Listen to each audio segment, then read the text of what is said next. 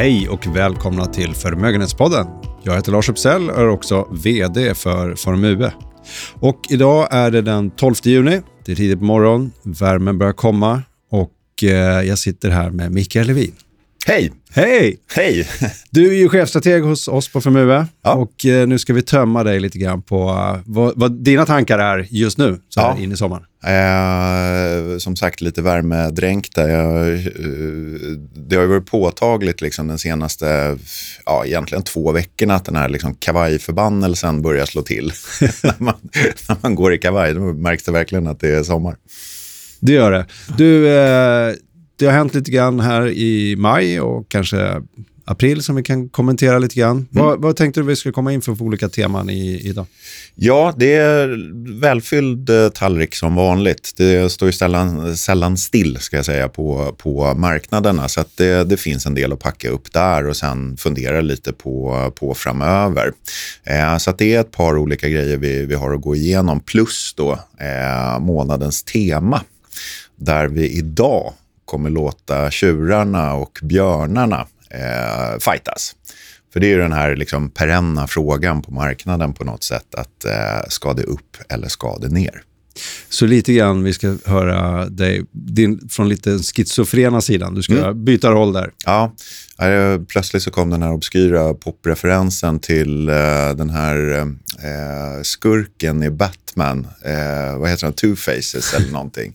Han har två Ja. ansikten. Liksom. Och det, det är väl lite det där som, som marknaden också. Att, att eh, det är ett ständigt velande där mellan liksom, björn och tjur. Men du, fine. Men det kommer vi tillbaka till i slutet på den. Eh, men vad ska vi börja med att titta på nu då? Lite, lite, lite vad som har hänt. För att eh, återigen, det är ju mer eh, så här liksom vad ska man säga, debriefing på något sätt. För det, det har ju redan hänt. Eh, men jag tycker också att till viss del så är, är det bra att liksom ha med sig ett perspektiv när man sen börjar titta framåt. För du måste ju utgå från någonting. Det är ju inte så att du startar med ett blankt papper. Och eh, där tycker jag ändå april och även maj, de har påmint en hel del om varandra. Och det är lite vad jag brukar ibland liksom referera till som market fatigue. Att, att marknaden är liksom den är lite trött på sig själv. Så att den orkar liksom inte, den, må, den måste liksom lugna ner sig lite. För att det var ju en väldigt, väldigt turbulent start på året. Och sen då under mars där som, eh, ja det känns ju som en evighet sen, men då hade vi hela den här bankkrisen i USA och eh, Credit Suisse försvann från Europa. Och det, det, det, liksom, det hände väldigt mycket. Och eh, där blev det ju då en lite lugnare utveckling under april och även maj. Eh, med ett par undantag. Och det största av dem, och det är ju det som alla har pratat om här eh, de senaste veckorna, det är ju liksom amerikansk tech som har gjort, ja jag vet inte, det, det, det är väl årets eh, comeback skulle jag vilja säga. Det har ju gått nästan i hyperspinn där med eh, framförallt framför allt då ja, AI, ChatGPT vet väl alla vad det är vid det här laget och eh, liksom vad det kan innebära framöver. Eh, det har ju gjort att, att amerikansk tech, man brukar ju prata om de här FANG plus-aktierna, liksom de sju, sju största techbolagen, de, de har ju liksom eh, i princip ensamt drivit amerikanska aktiemarknaden i år. Ja, ungefär hur mycket av avkastningen på... Är det S&P 500 man tittar på? Va? Ja, precis. Och det, ja, det enkla svaret är nästan allt. Eh, så det är ju sju aktier som står för liksom den här uppgången på ungefär 12-13 procent amerikanska aktier har haft i år och resterande då 493, 493 aktier, de, de, det är flat.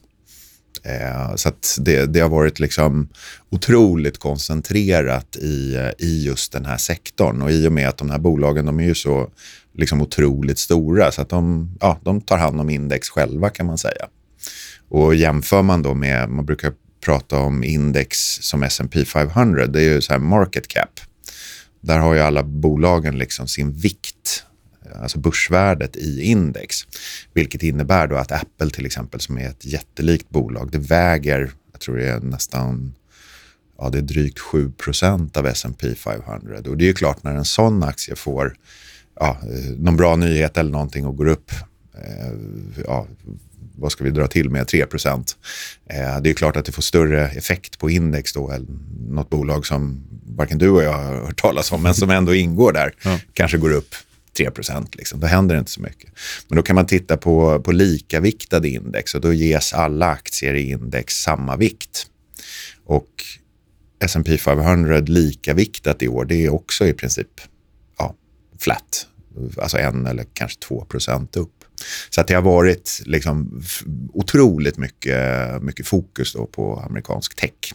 Så även om uppgången ser ganska fin ut så är den ganska smal kan man säga så? Ja, eh, dock med en liten brasklapp för de här väger ju så väldigt mycket i index. Så att det är liksom, visst det är smalt till, till antalet bolag.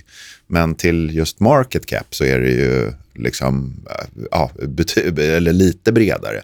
För den här it-sektorn då inom S&P 500 den väger ju nästan, ja, vad är det, det är uppåt 30 procent av index. Så mm. det är ju, visst, det är smalt, för det är en sektor och så, men den sektorn är ju liksom jättestor i index. Och bara som en liten sån här eh, stickspår på det här så eh, jag satte mig och, och, och grävde lite i, i eh, databaserna. Och eh, i Europa så är det inte alls samma tendens. Nu har ju inte Europa liksom de här fangbolagen på något sätt. Men eh, skillnaden mellan eh, det vanliga MSCI Europe som man brukar använda då och MSCI Europe likaviktat, den är i princip obefintlig. Så där har det varit en liksom mycket jämnare fördelning då i, i, i, avkastningen. Så det har inte varit koncentrerat till någon sektor.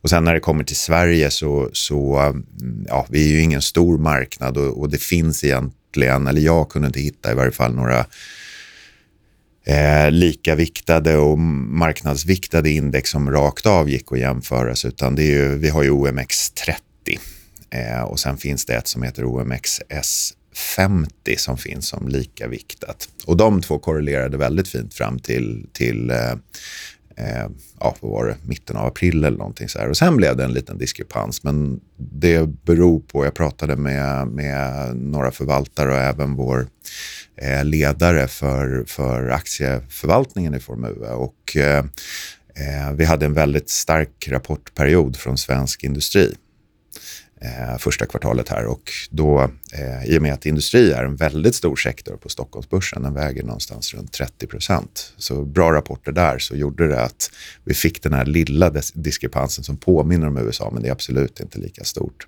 Men det är, det är mycket ett amerikanskt fenomen. Så det, det, det skulle jag säga, det, det har väl varit liksom den stora grejen under eh, mars, eller förlåt, april, maj vilket har gjort att aktier som, som helhet har haft en ganska fin utveckling under de här två månaderna medan övriga tillgångslag de har varit ganska liksom oförändrade. Men Sverige sticker ut positivt? Ja, det är lite förvånande för att vi går ju omkring och bara läser negativa rubriker hela tiden. Och, och eh, dels första kvartalets rapporter då som var bättre än väntat, vilket tyder ju på att det finns ändå lite liksom sprutt i den globala ekonomin. För att Eh, Sverige har ju en väldigt, väldigt hög andel av BNP, eh, alltså exporten.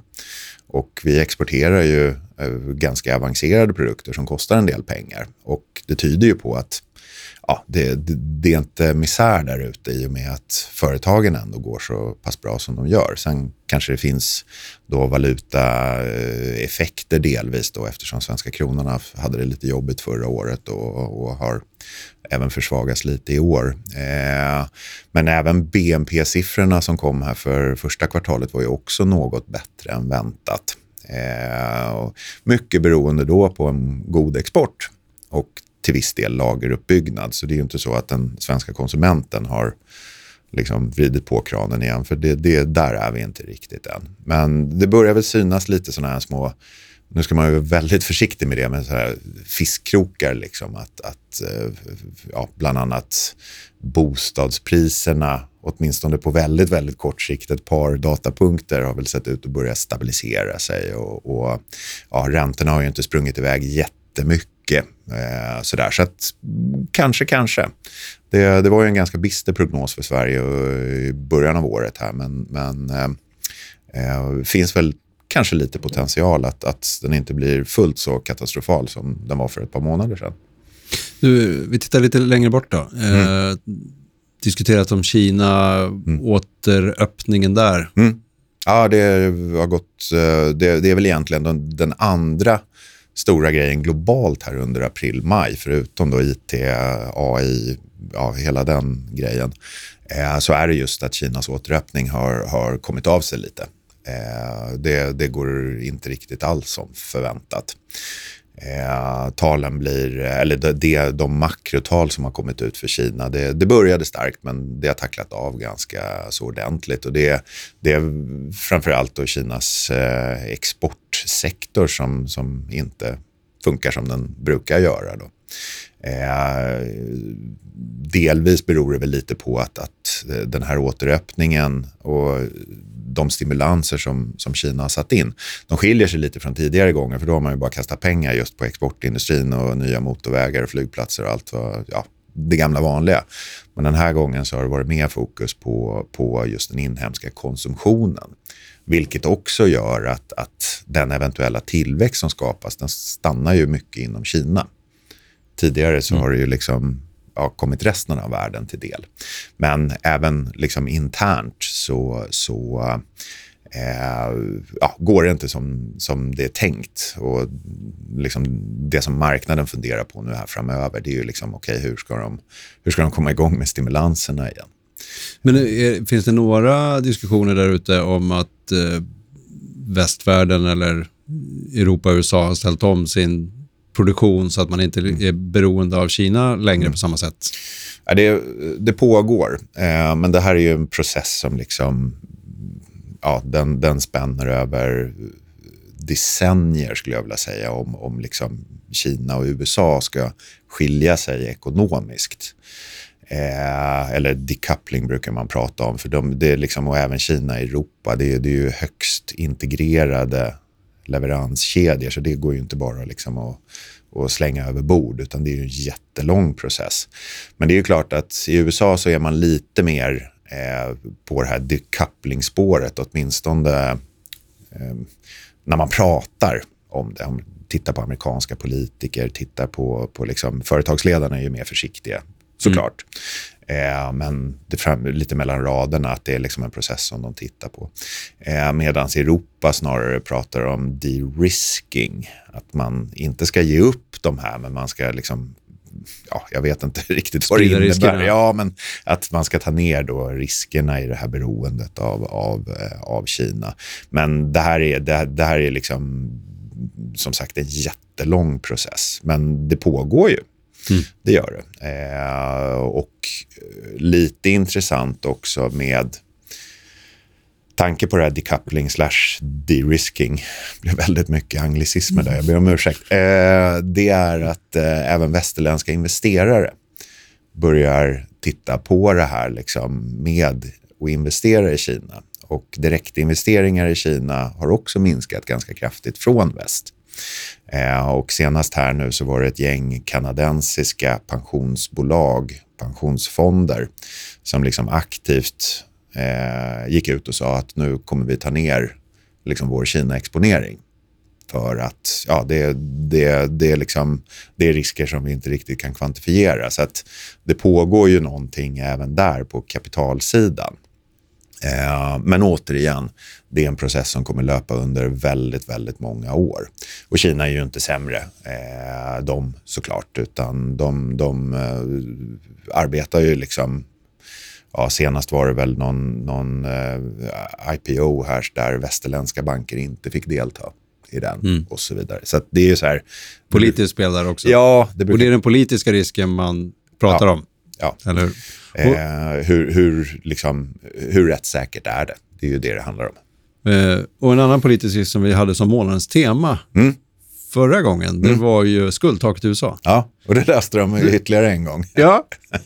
trycker, trycker mer pengar. Surprise, ja. surprise. Ja, nej men det, det, känslan inför den där, eh, ja, dealen kom ju till till slut. Men känslan inför där, det skulle jag vilja säga var lite mer osäkert än tidigare gånger. Det här är ju, som vi diskuterade då, det här är ju inte första gången utan det här kommer ju liksom regelbundet. Eh, jag har inte så mycket att säga om dealen, men eh, för det, det lämnar jag till de liksom politiska bedömarna. Eh, dock så var det ju positivt att eh, dealen var på två år. Så att eh, nu har vi inte det här problemet inför presidentvalet nästa år, för det hade ju kunnat bli riktigt jobbigt. Så att det är en, en liksom positiv eh, del av det här. Sen kan man ju alltid ifrågasätta, är det, liksom, är det positivt att, att låna ännu mer pengar? USA har ju trots allt en, en ganska maffig statsskuld nu för tiden. Eh, men återigen, eh, det, det lugnade, lugnade marknaden lite. Så att, eh, det har ju varit då kontemplationsfas. Hyggligt lugnt, ganska bra för, för aktier och övriga tillgångslag relativt liksom oförändrade och, och ja, som vi inledde med, lite market fatigue nästan. Ja, men då eh, ska vi då börja titta lite framåt istället. Ja, ja. Nej, men det, det, det är de gamla vanliga grejerna. Ofta så där starkt förenklat. Mycket starkt förenklat. Men det är ju fyra gånger om året när det är rapportsäsong. Då är det full fokus på bolagen och liksom resultaten och vad, vad företagsledarna säger och allting sådär. Då blir det väldigt liksom mikro eh, fokuserat under ett par veckor då, vars, eh, varje kvartal. Och sen mellan de här, då, då, liksom, då glider ju bilden tillbaka då till, till liksom makrosidan. Eh, som har varit lite fokus här på, på sistone, framför allt då med, med Kinas återöppning, vad det innebär, hur ekonomin går i USA, Europa och, och, och sådär. Och det tror jag kommer att, att styra en del eh, fram till slutet av juli då, där nästa rapportsäsong liksom drar igång. Och då, då vänder vi fokus igen mot, mot, eh, mot bolagen. Eh, så det, det är en hel del då kring det här, liksom det ekonomiska och eh, fortsatt debatten då om den här liksom världens mest väntade recession som ännu inte har kommit. Det, det är liksom... Eh, ja, för, jag är nästan säker på att jag sa det förra månaden också, men för sju, åtta månader sedan då, då var det ju liksom bara, det var oundvikligt. Mm. Men ja, here we are. Och vi, vi har fortfarande ingen, ingen recession. Därmed inte sagt att, att liksom hotet är borta. Det finns jättemånga frågetecken både i Europa, USA och Kina som sagt. Eh, men eh, enligt min då högst tveksamma logik så, så liksom ju längre vi undviker den här liksom recessionen, desto mindre blir ju faktiskt sannolikheten för att den inträffar. Men man ska inte liksom avfärda att, att vi, vi klarar av eh, då den här eh, mjuklandningen. Eh, för det finns frågetecken. Däremot så kan man ju fråga sig vad, vad marknaden prissätter. Och givet då bland annat hur aktier har, har utvecklat sig så, så mm, ja, det prissätts ju ett ganska liksom, ja, positivt scenario. Mm. Givet liksom vad, vad, vad som ligger. Vi är ju trots allt upp på globala aktier och även svenska någonstans runt 12-13 procent. Och förra året var ju ett riktigt skräpår på aktiemarknaden. Eh, men det är ju inte så att vi ligger jättelångt ifrån tidigare all time highs som sattes i början av 2022. Det är väl någonstans 5-10 procent kvar eller någonting sånt där. Eh, så att där får man ju ändå ge marknaden att den har ju en ganska positiv syn på då just den framtida ekonomiska utvecklingen. Eh, och skulle vi klara en, en mjuklandning eller att det, det är det som sker eh, så blir det ju väldigt intressant vad händer efter. I och med att vi är prissatta för liksom en, positivt scenario. Ja. Och mm,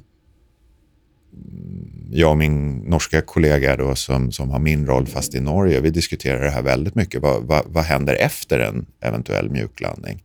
För att då är ju tanken att ekonomin kanske ska återhämta sig och börja accelerera igen. Och det ska ske då med ett kapacitetsutnyttjande som idag är enormt högt. Och vi har ja, arbetsmarknader både i Europa, USA och även Sverige som är liksom rejält ansträngda. Och det, arbetslösheten är liksom obefintlig. Och från det då accelerera. Det kan ju bli spännande med tanke på vad som eventuellt händer på inflationssidan i ett sånt scenario. Du tänkte löneutveckling ja, och ja. den Så typen av... att, ja, men hela just det här med kapacitetsutnyttjandet i ekonomin, det är fortfarande väldigt, väldigt högt. Och då då göra en sån här perfekt mjuklandning och sen bara liksom, ja, reset och köra vidare uppåt. Eh, den är inte helt eh, liksom, glasklar. Det scenariot, liksom, vad, som, vad som händer efter.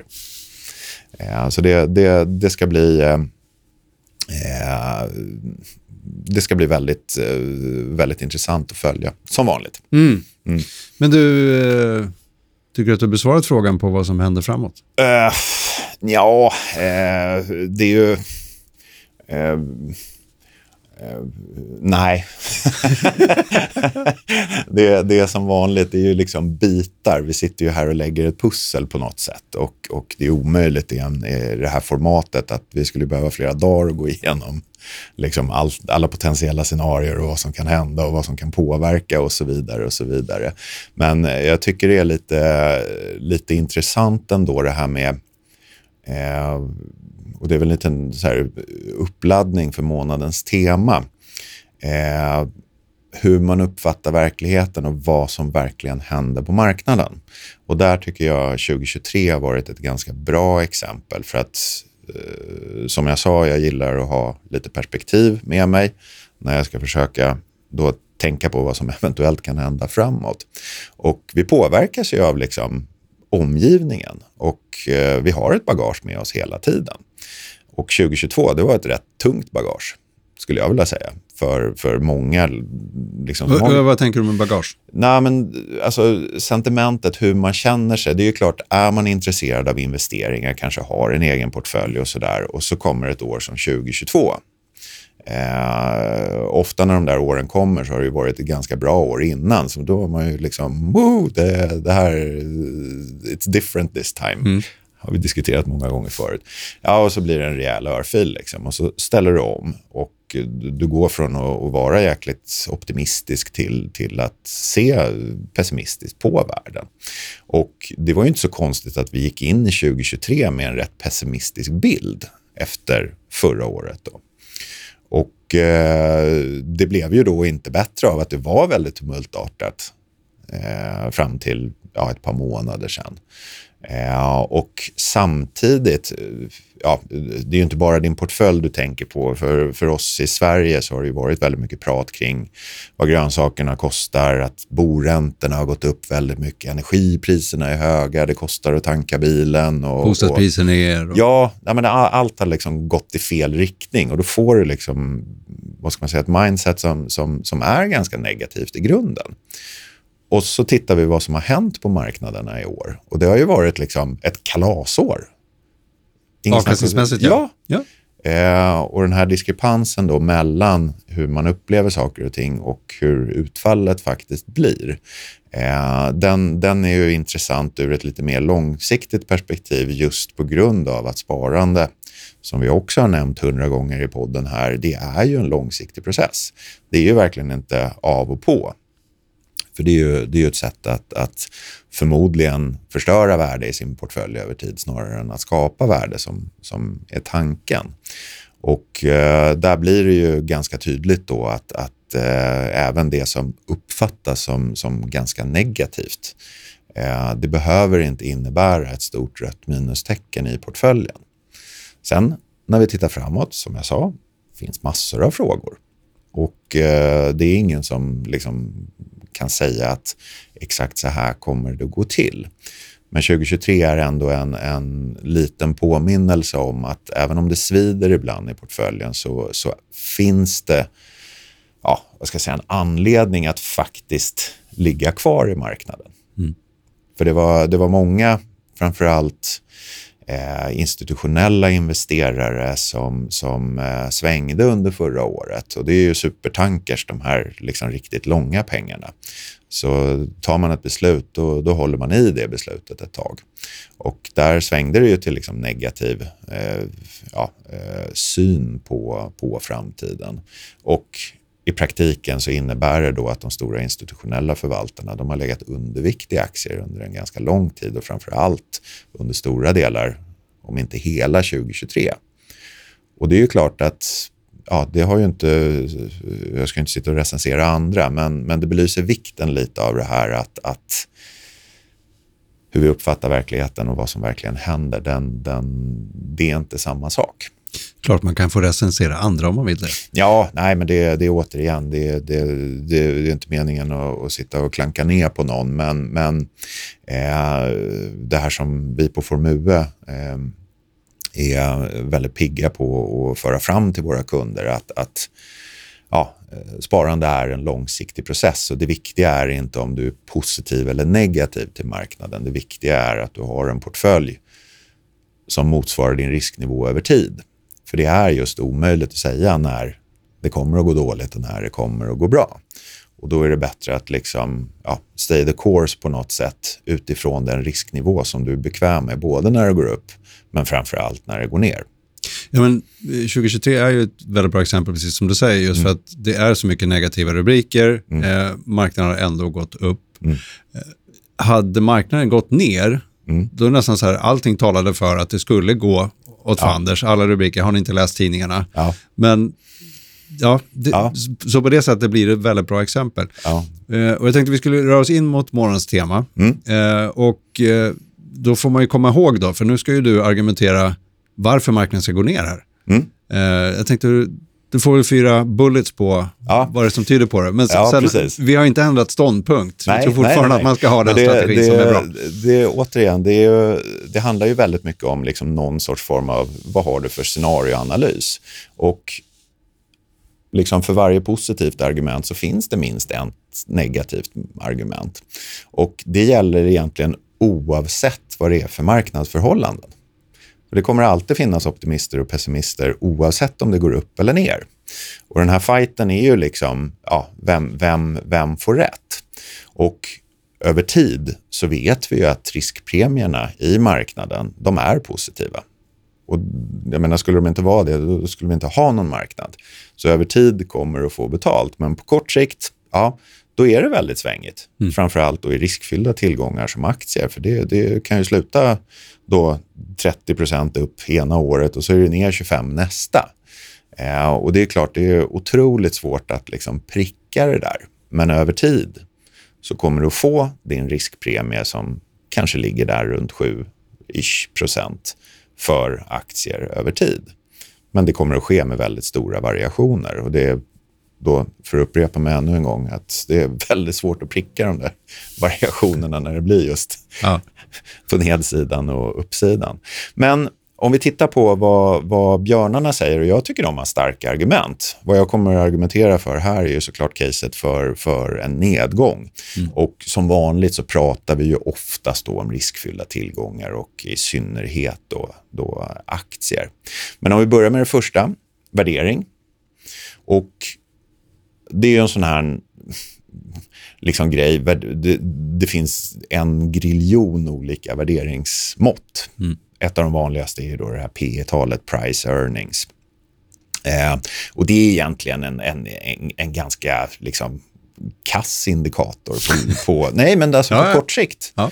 säger inte så mycket. Liksom. Det prediktionsvärdet är, är ganska lågt i P talet Däremot på kanske tio års sikt ja men då har det större prediktionsvärde. För en hög värdering idag, det, det innebär ju att liksom, förmodligen så, så kommer avkastningen de kommande ja, tioårsperioden eller vad man ska kalla det, den, den kommer vara något lägre. Och motsvarande då låg värdering. Så ja, då har du förmodligen... Och nu tänker du på en aggregerad nivå ja, på indexnivå? Exakt. Nu tar vi liksom globala aktier, eh, eller framför allt då amerikanska aktier som i och med IT Eh, sektorn där. Det, det, är liksom, det amerikanska indexet ligger klart över sitt historiska snitt.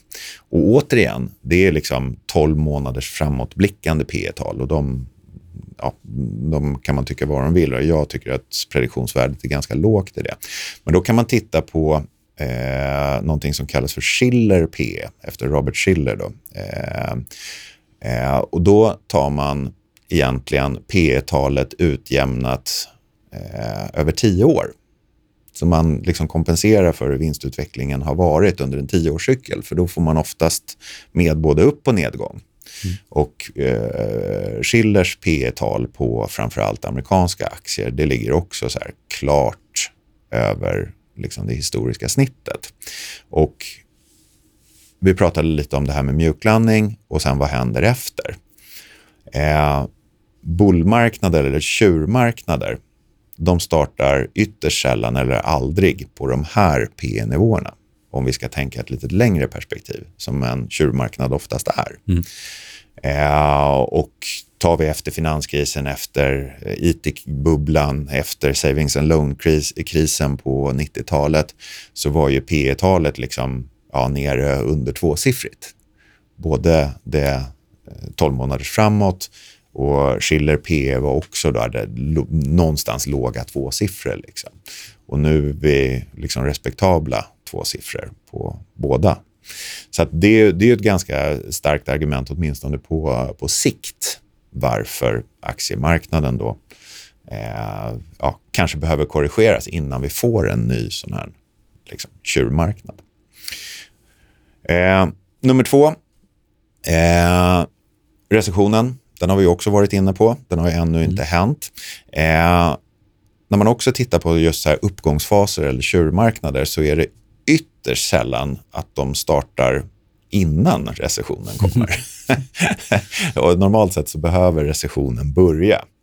Eh, och sen en bit in i recessionen eller då när den, vi vet ju först efteråt om när recessionen började. Men det brukar vara liksom en förutsättning för att en tjurmarknad eller en uppgångsfas ska, ska ta vid. Och det hänger också delvis samman med hur centralbankerna agerar. Att det, jag tror aldrig det har hänt att en recession har startat när Federal Reserve fortfarande höjer, vilket de förväntas göra under 2023.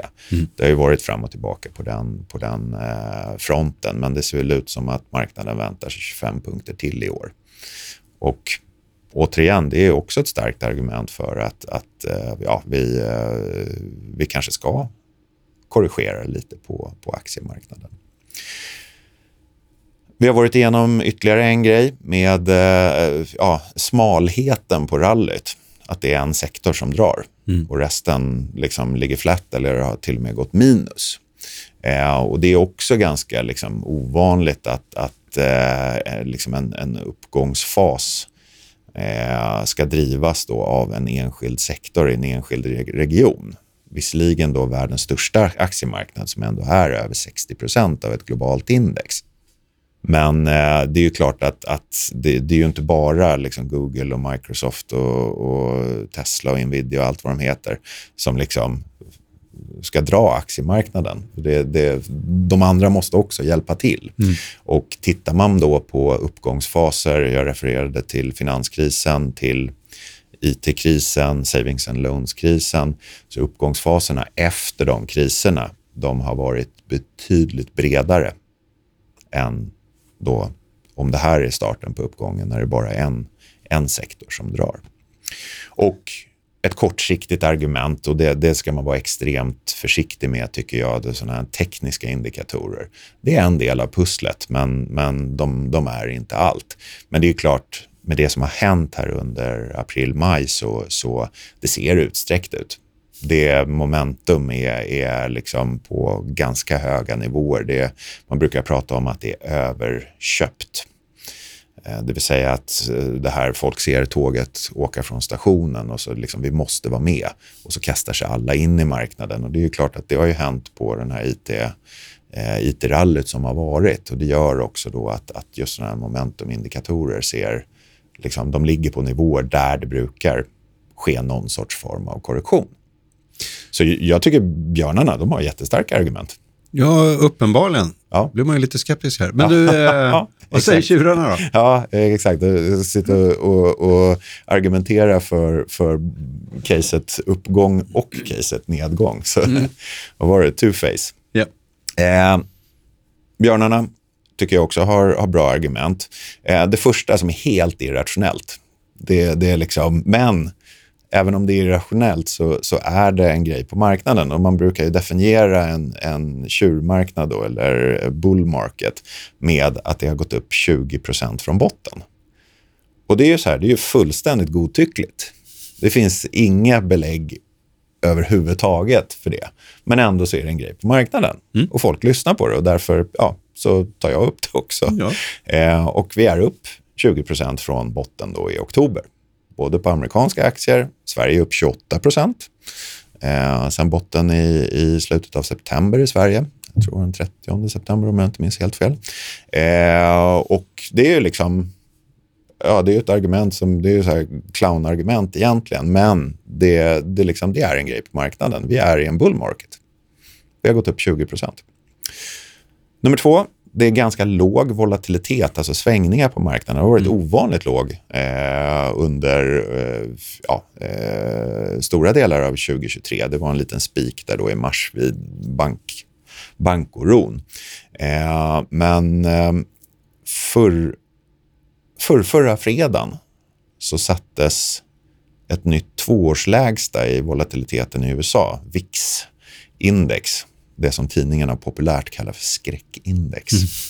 Eh, och ett tvåårslägsta, liksom, det sätts aldrig eller har aldrig satts i en bear market. Utan de, de sätts oftast när det är just uppgångsfas eller mm. bull market. Eh, så att det är klart att med alla sådana här argument, det finns ju alltid undantag, men, men ja, det, det säger någonting att volatiliteten är väldigt, väldigt låg. Eh, vi var inne på rapportkvartalen och eh, Q1 i Sverige som överraskade positivt, det gjorde den i USA också. Mm. Och den överraskade faktiskt mer positivt än, än, än väntat. Eh, fortfarande eh, så var det så att Q1, eh, både för amerikanska och även för globala aktier, innebär att vinsttillväxten är negativ. Men den var betydligt mindre negativ än förväntat. Och Q2 kommer förmodligen också vara negativ. Eh, men sen så ser marknaden då i linje med att jag sa att det är prissatt för en ganska liksom, positiv utveckling ekonomiskt framöver. Att både Q3 och Q4 eh, kommer att vara ganska starka och att vinsttillväxten för globala aktier kommer att vara 0,7 procent upp för 2023. Eh, och eh, hade du sagt det i början av året till mig, då hade jag förmodligen inte skrattat, men, men jag hade blivit extremt positivt överraskad. Om... Du hade haft motargument till det? Ja, eh, verkligen. Givet vad som hände 2022 liksom med både ekonomin och recessionen som var på väg och så vidare. och så vidare. Eh, men bolagen har ju klarat det här ja, betydligt bättre än väntat. För det har ju varit rätt mycket liksom som skräp som har kastats på dem. Och ändå liksom komma med, med den här vinstutvecklingen. Och vi nämnde ju Sverige också, framförallt industrisidan då, som hade ett riktigt bra kvartal. Eh, sen är vi tillbaka till eh, nummer fyra där och det är att sentimentet har vi också berört en hel del där, att det har varit otroligt negativt. Och det, är ju, det har ju varit minst sagt utbombat. Eh, med tanke på då 2022 och, och här starten på 2023. Och det har väl egentligen varit en av få saker som har varit konstanta på marknaden under den här perioden. Det är liksom negativiteten. Eh, och man brukar ju säga liksom att när den sista optimisten ger upp, det är då uppgången startar. Och det är frågan liksom om, om eh, vi har eh, liksom, ja, några riktiga optimister kvar. Så att på samma sätt som, som björnarna har starka argument så har tjurarna också eh, otroligt starka argument. Och det här liksom knyter ihop säcken lite, liksom hur ambivalent det är att säga bu eller bä ska det upp eller ska det ner? Eh, jag tycker ju personligen då att marknaden är ju aldrig nästan svart eller vit, utan det är alltid olika nyanser av gråskalor. Och det gör det så, så liksom, ja, eh, tycker jag, svårt att, att, ha då den här otroligt starka åsikten eh, som också en del av marknaden bygger på att du ska ha. Det är så marknaden mm. fungerar. Eh, ska vi köpa, ska vi sälja? Eh, och där har ju då vi på Formue ett litet annat sätt att se på saker och ting. Att, att vi, vi, är, vi är väldigt tydliga med att vi, vi tycker att det är väldigt mycket gråskalor där ute och vi tar inte liksom aktiv ställning, nu ska vi övervikta aktier eller undervikta high yield eller vad det nu är. Utan vi satsar på att bygga liksom en, en robust portfölj som över tid kan prestera bra för, för våra kunder. För som sagt, idag tog vi upp, vi kan ta upp samma grej nästa månad och köra fyra nya för och emot. Mm. Och det kommer vara väldigt starka argument på båda sidorna. Så att, eh, ja, det var lite månadens tema, caset för både en uppgång och en nedgång. Det får det vara. Och vi får se om vi får komma tillbaka till någon av de här argumenten mm. eh, i nästa podd. Mm. Men jag tänkte vi ska runda av där, men avslutningsvis, vi tycker ju alltså inte att ni ska nu ta ställning till om Björn eller Tjur hade rätt och eh, styra portföljen därefter, utan ha rätt risknivå mm. och håll dig till den strategin som du har satt. Det, det, det, det brukar bli ganska bra över tid. Det är slutorden från oss idag och vi önskar alla nu en riktigt trevlig, solig tid framöver här nu fram mot midsommar som kommer inom kort. Ha det bra så länge så hörs vi längre fram. Hej hej. Hej hej.